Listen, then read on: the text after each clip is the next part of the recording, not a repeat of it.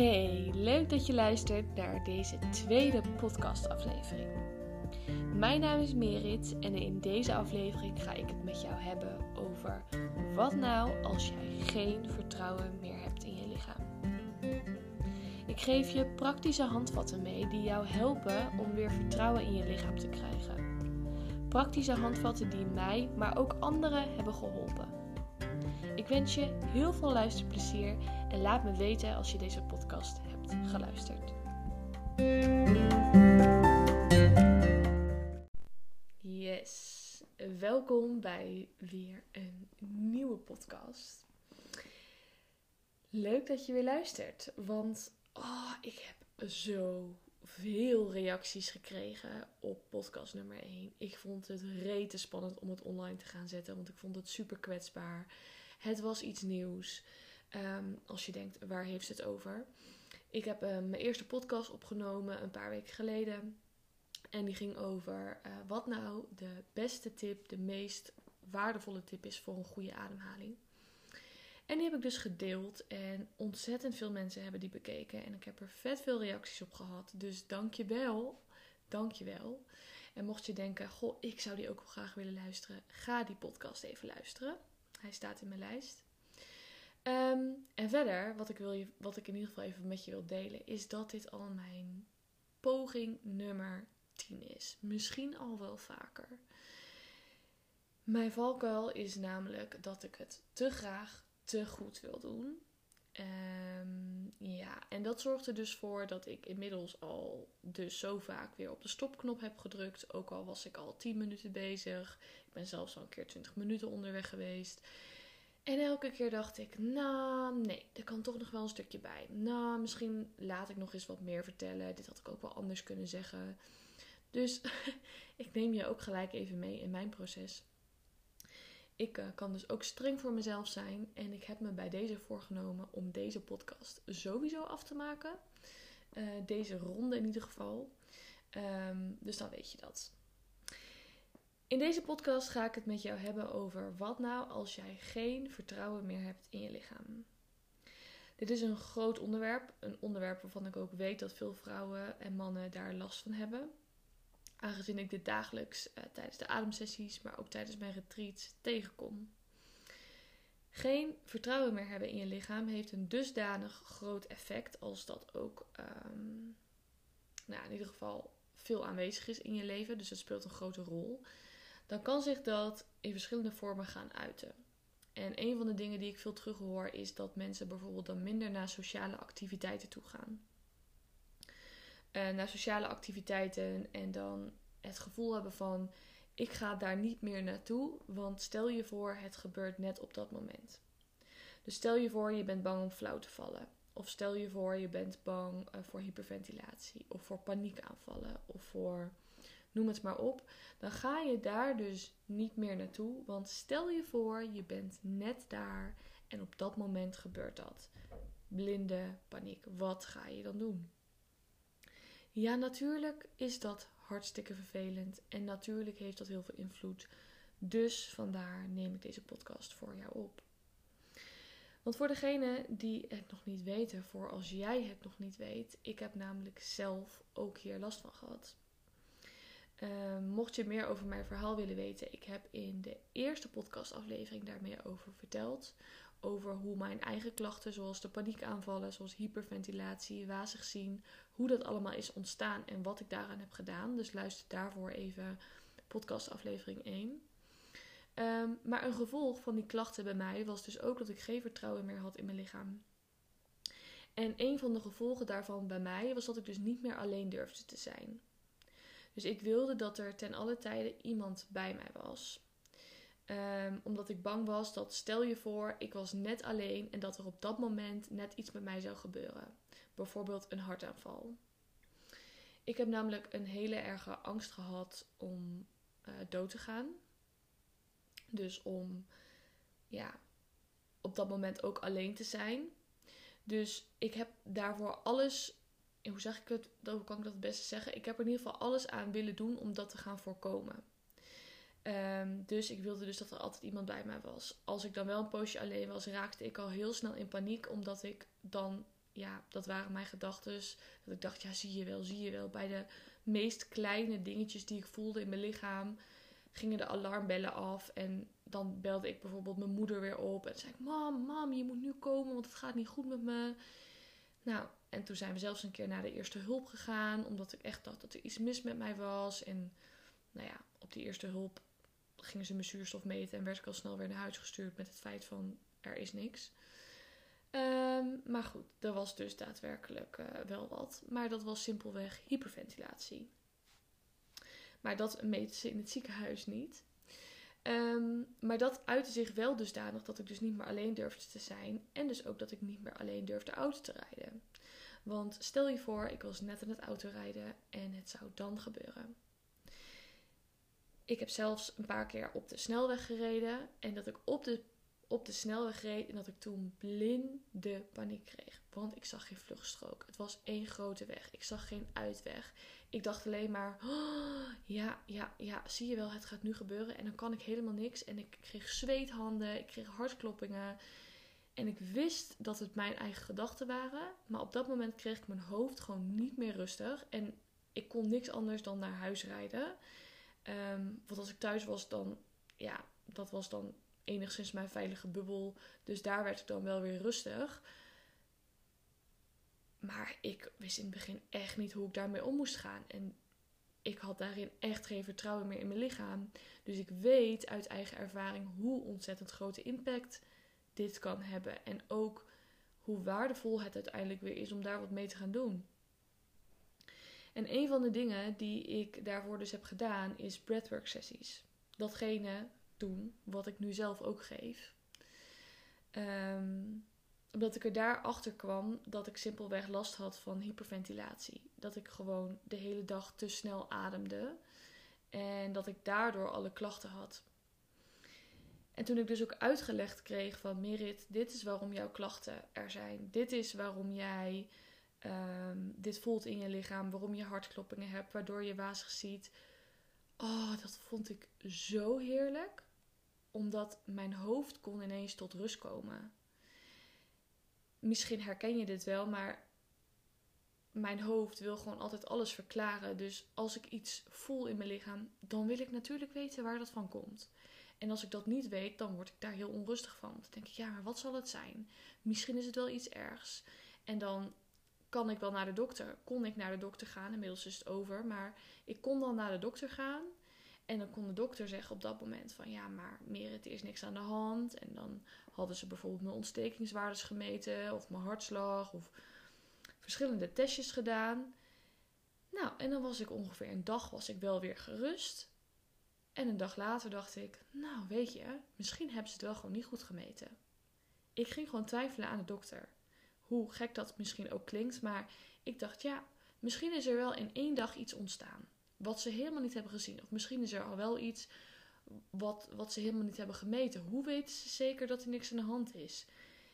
Ik had zoveel paniek in mijn lichaam en zoveel onrust dat bij het minste of geringste wat ik voelde, raakte ik ook in paniek. Dus ja, dat was ook geen wonder nu ik er zo op terugkijk. Um, en dat is ook gelijk een van de dingen, als jij hier ook last van hebt of je herkent je helemaal in dit verhaal of gedeeltelijk, ga dan eens onderzoek doen naar hoe jouw klachten ontstaan.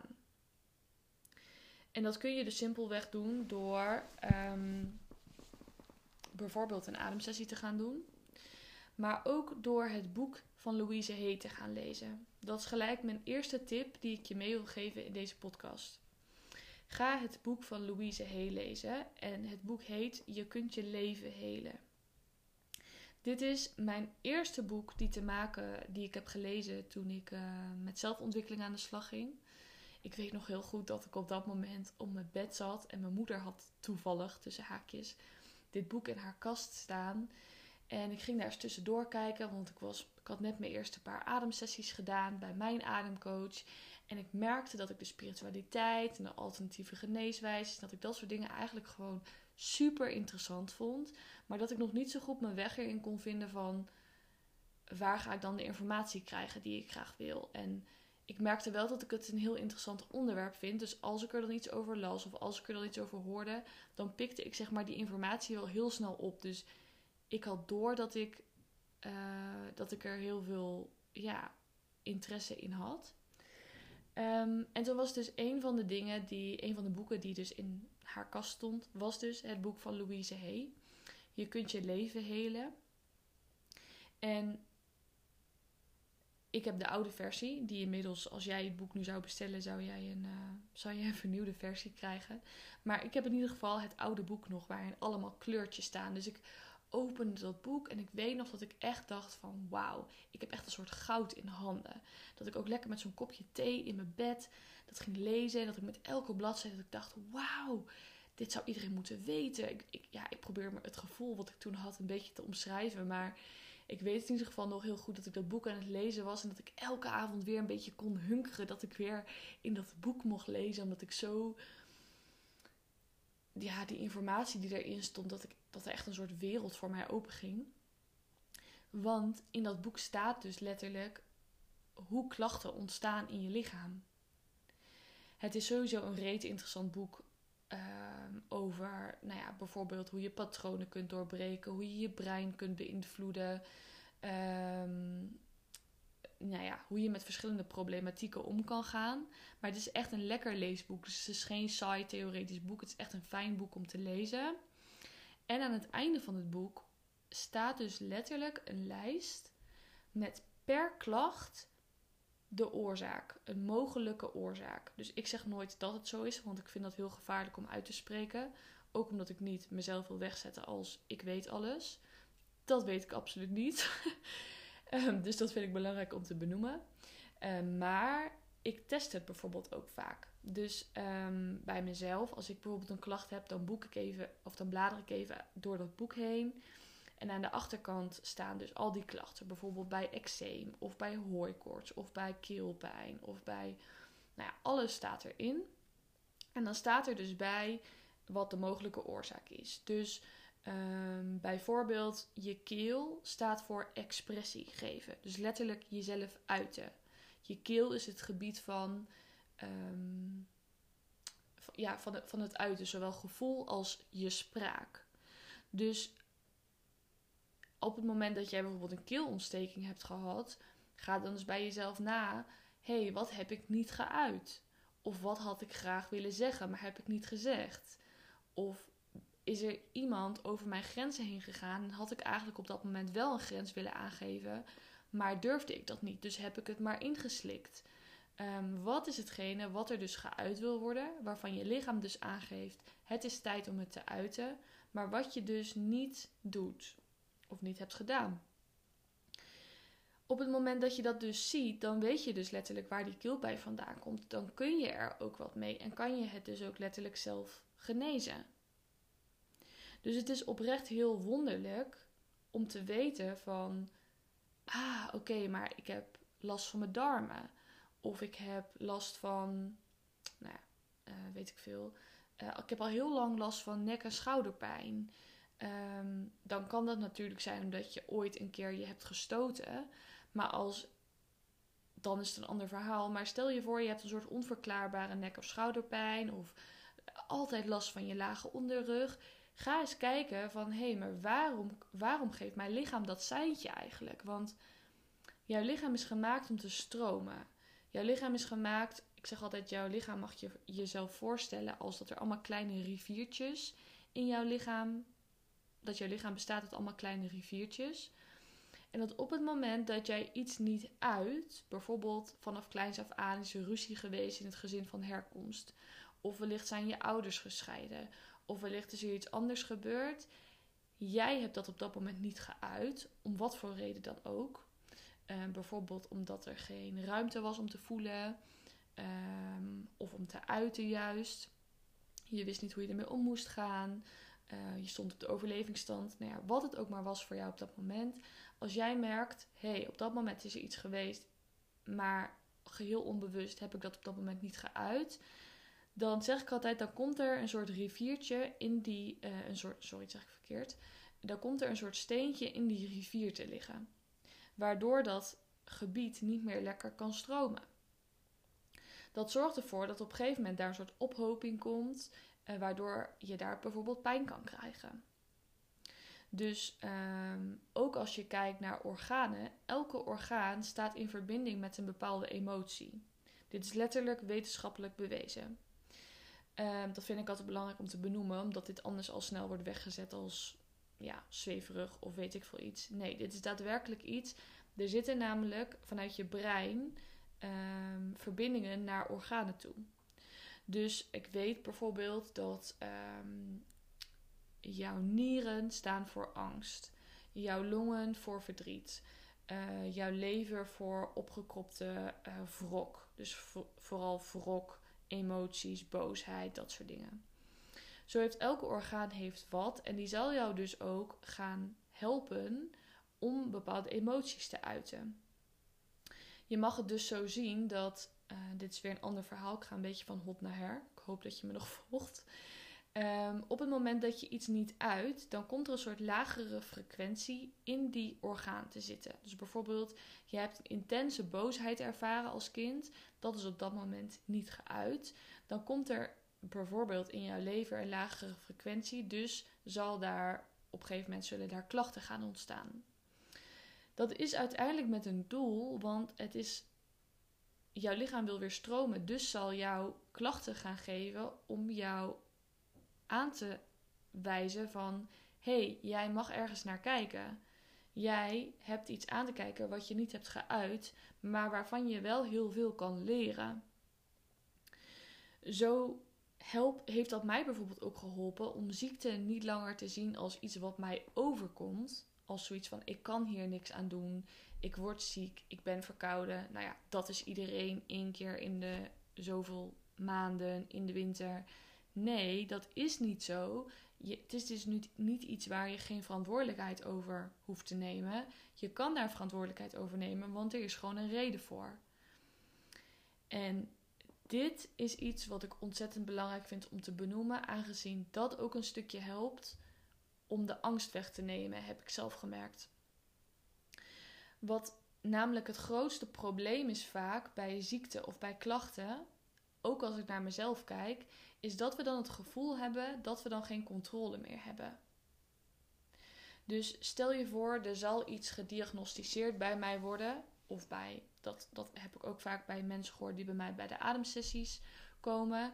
Die zijn bang dat als ze een klacht krijgen, dat er iets wordt gediagnosticeerd en dat ze dan vervolgens daar niks meer aan kunnen doen, bijvoorbeeld. De angst daarachter is dat je dus geen controle meer hebt. Maar het mooie is dat jij altijd controle hebt. En vooral als jij dus weet: oké, ik weet meer hoe klachten ontstaan in mijn lichaam, dan geeft je hoofd dat in ieder geval al heel veel rust. Uh, omdat je hoofd in ieder geval wil weten van hé, hey, maar waarom voel ik dan wat ik voel? Um, want een van de functies van je brein is bijvoorbeeld om risico's te inventariseren. Dus die gaat gewoon alle risico's bij langs. Oké, je hebt deze klacht. Wat zou dat kunnen betekenen? En die gaat gewoon kijken wat voor ernstige gevolgen dat zou kunnen hebben. Terwijl als jij letterlijk weet van oké, maar dit is een reden waarom een klacht zou kunnen ontstaan. En je gaat, je gaat informatie opdoen over hoe klachten ontstaan in je lichaam, hoe je lichaam meer werkt. En het wordt dus meer verklaarbaar. Dan kan dat hoofd gewoon tot rust komen. En een van de, dat is een van de dingen wat zo ontzettend fijn is, omdat daardoor voel jij je al rustiger. En als jij je rustiger voelt, kan je lichaam zich sowieso beter herstellen.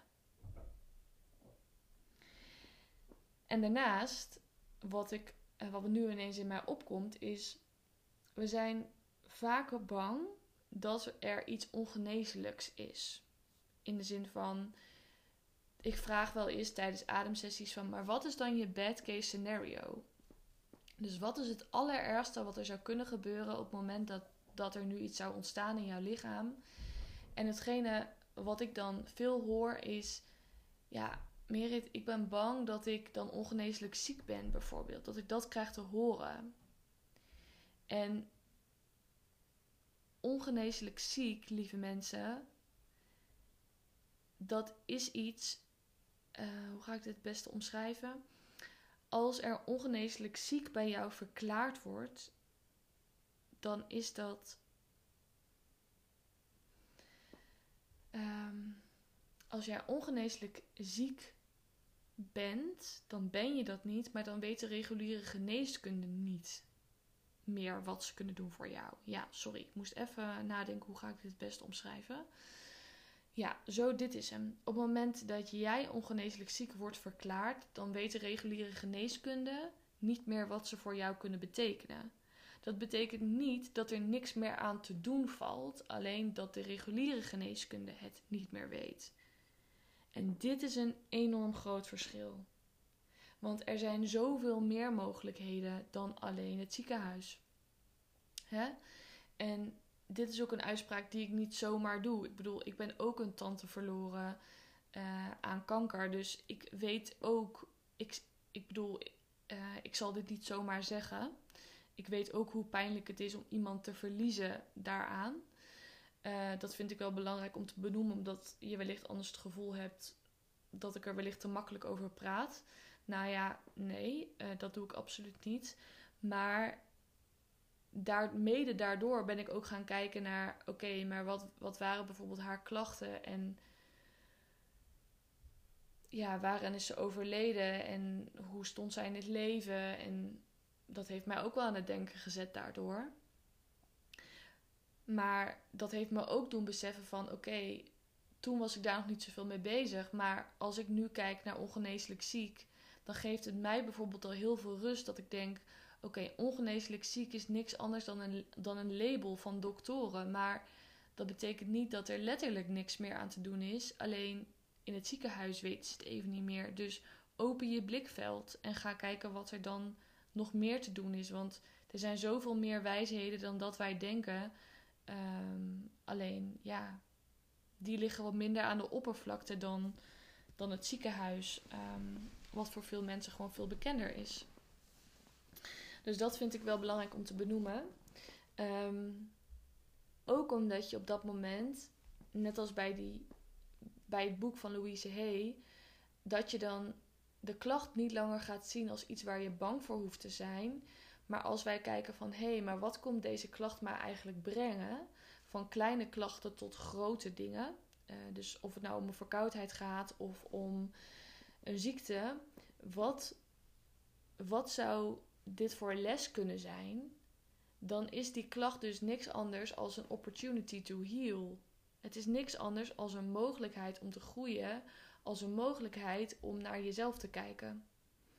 Want ook hyperventilatie, ook paniekaanvallen, ook wat voor klachten het ook maar zijn, het is niks anders als dat het jou laat zien dat je ergens naar mag kijken. Dat er dus werk aan de winkel is Ehm, en dat je dus te lang bepaalde dingen genegeerd hebt, wat wel belangrijk voor jou is, om weer op jouw juiste pad te komen.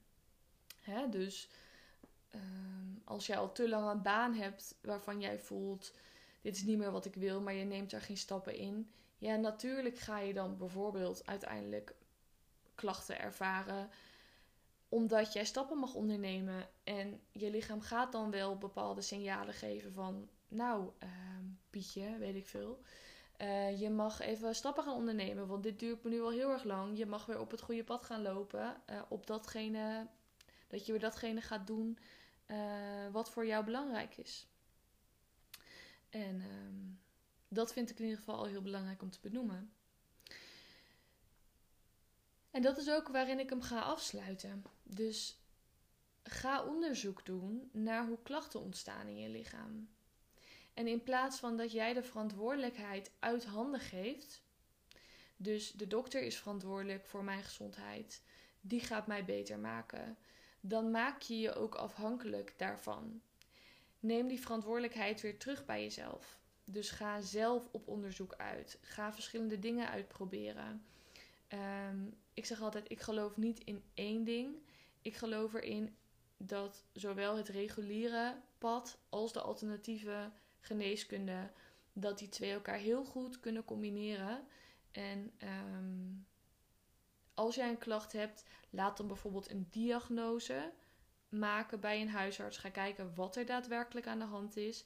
Maar vervolgens wat er daarna gebeurt, dat is aan jou. En vaak kun je daar veel meer mee dan dat alleen de reguliere geneeskunde zegt. Ehm, dus doe onderzoek. Dat zorgt voor rust in je hoofd. En als je rust in je hoofd hebt, zorgt dat er uiteindelijk sowieso voor dat je lichaam zich beter kan herstellen. In welke klacht dan ook. Nou, ik hoop dat jij weer nieuwe inzichten hebt opgedaan met deze podcast. En uh, mocht je vragen hebben, laat het me weten. Mocht je een vraag beantwoord willen hebben of bijvoorbeeld een leuk onderwerp weten voor een nieuwe podcast, laat het me dan ook even weten. En um, super leuk dat je hebt geluisterd en ik hoop je snel weer te zien. Doei doei!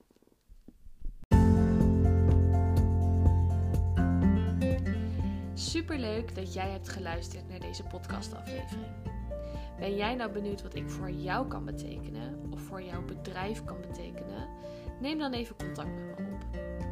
In het dagelijks leven geef ik namelijk één op één ademsessies, maar ook ademsessies in groepen, one day ademretreats en adem- en ijsbadtrainingen. Neem een kijkje op mijn website www.merithuizen.nl en als je een vraag hebt, dan hoor ik het graag. Doei doei!